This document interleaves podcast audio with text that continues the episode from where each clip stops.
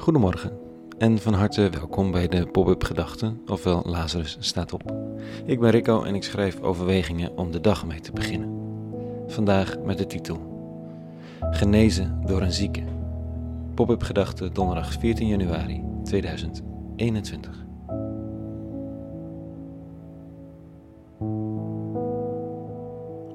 Al enige dagen lees ik in de Bijbellezingen van de ochtenden over melaatsen in het oude Israël.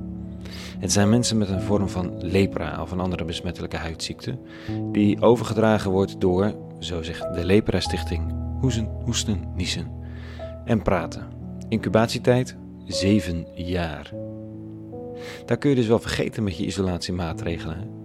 Ik bedoel, wij moesten eerst in Nederland 14 dagen binnen blijven. Ondertussen is het 10, juist vanwege de incubatietijd. Bij deze ziekte gaat het dus om maar liefst 7 jaar.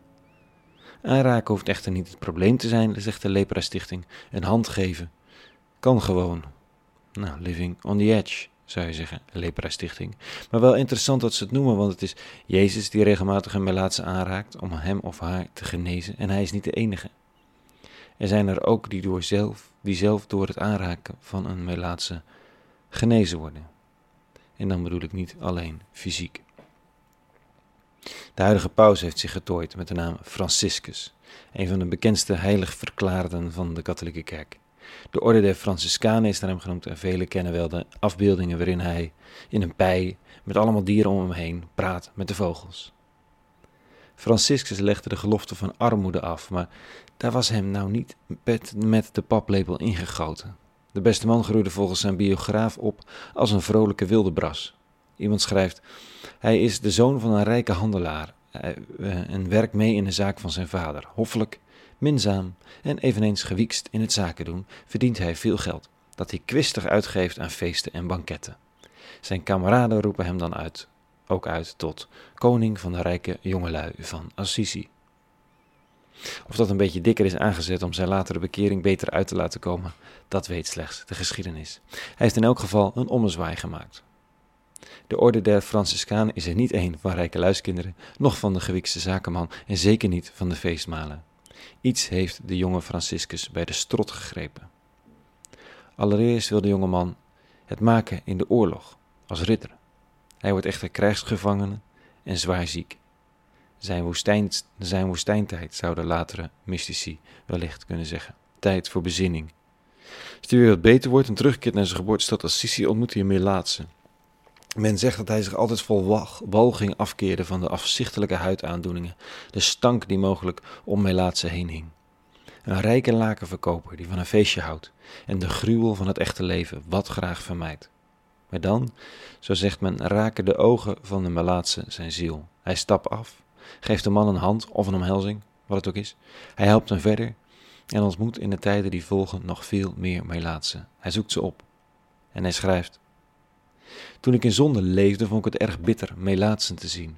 En de Heer zelf heeft mij tussen hen gebracht en ik heb hen barmhartigheid bewezen. En toen ik bij hen wegging, was wat ik bitter vond voor mij omgeslagen in zoetheid naar ziel en lichaam. De man is bekeerd. En dat bedoel ik niet met het oog op wat hij zonde noemt. Bekeren is niet iets anders per se dan een mentale omwenteling. Wat smerig was, is hem zoet geworden. Hij heeft een roeping gevonden, zijn thuis in de wereld, zijn spirituele plek. Oorlog bracht hem op zijn knieën, ziekte bracht hem tot stilstand. En eindelijk kon hij in de ogen kijken van datgene waar hij van walgde en vond verlossing. Ik snap wel dat zijn biograaf dat een beetje heeft aangezet. Wat een verhaal. Het lijkt erop dat Jezus van Nazareth ook iets dergelijks overkomt, op een andere manier. Ik lees vandaag dit. In die tijd kwam een Melaatse bij Jezus die op zijn knieën viel en hem smeekte: Als u, als u wilt, kunt u mij reinigen. Door hevig medelijden bewogen, stak hij de hand uit, raakte hem aan en sprak tot hem: Ik wil het, word rein.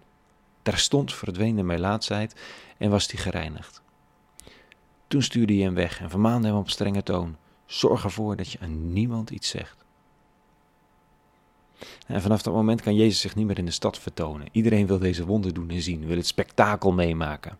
Het is alsof Jezus dat voorvoelt als hij in de meest strenge woorden zegt: Ga weg, zorg dat je niemand iets zegt.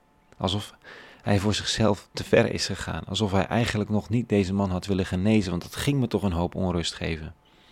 Maar hij was hard geraakt door de ellende en kon niet wegkijken. Waar zit jouw en mijn genezing en die van de ander? Nou, misschien wel in de verbinding met de pijn. Het is de paradoxale waarheid van wat evangelie is. Al is het ook de overtuiging van de journalist die maar blijft vastleggen wat er in oorlogen en vluchtelingenkampen gebeurt. Het is de overtuiging van de theatermaker die het ongemak, ongemak bij het publiek onder de neus blijft duwen. Het is de overtuiging van de gelovige die na aankomst in het donker ontdekt dat er licht schijnt. Jezus, Franciscus, nu ik nog. Een oproep om het donker binnen te gaan en anderen erin uit te nodigen waar het je eigen leven betreft. Ook al kan dat gevolgen hebben die niet zijn te overzien. Het kan ook op ongedachte manieren genezing brengen. Tot zover vandaag. Een hele goede donderdag gewenst. Morgen weer een nieuwe pop-up gedachte. En voor nu, vrede. En alle goeds.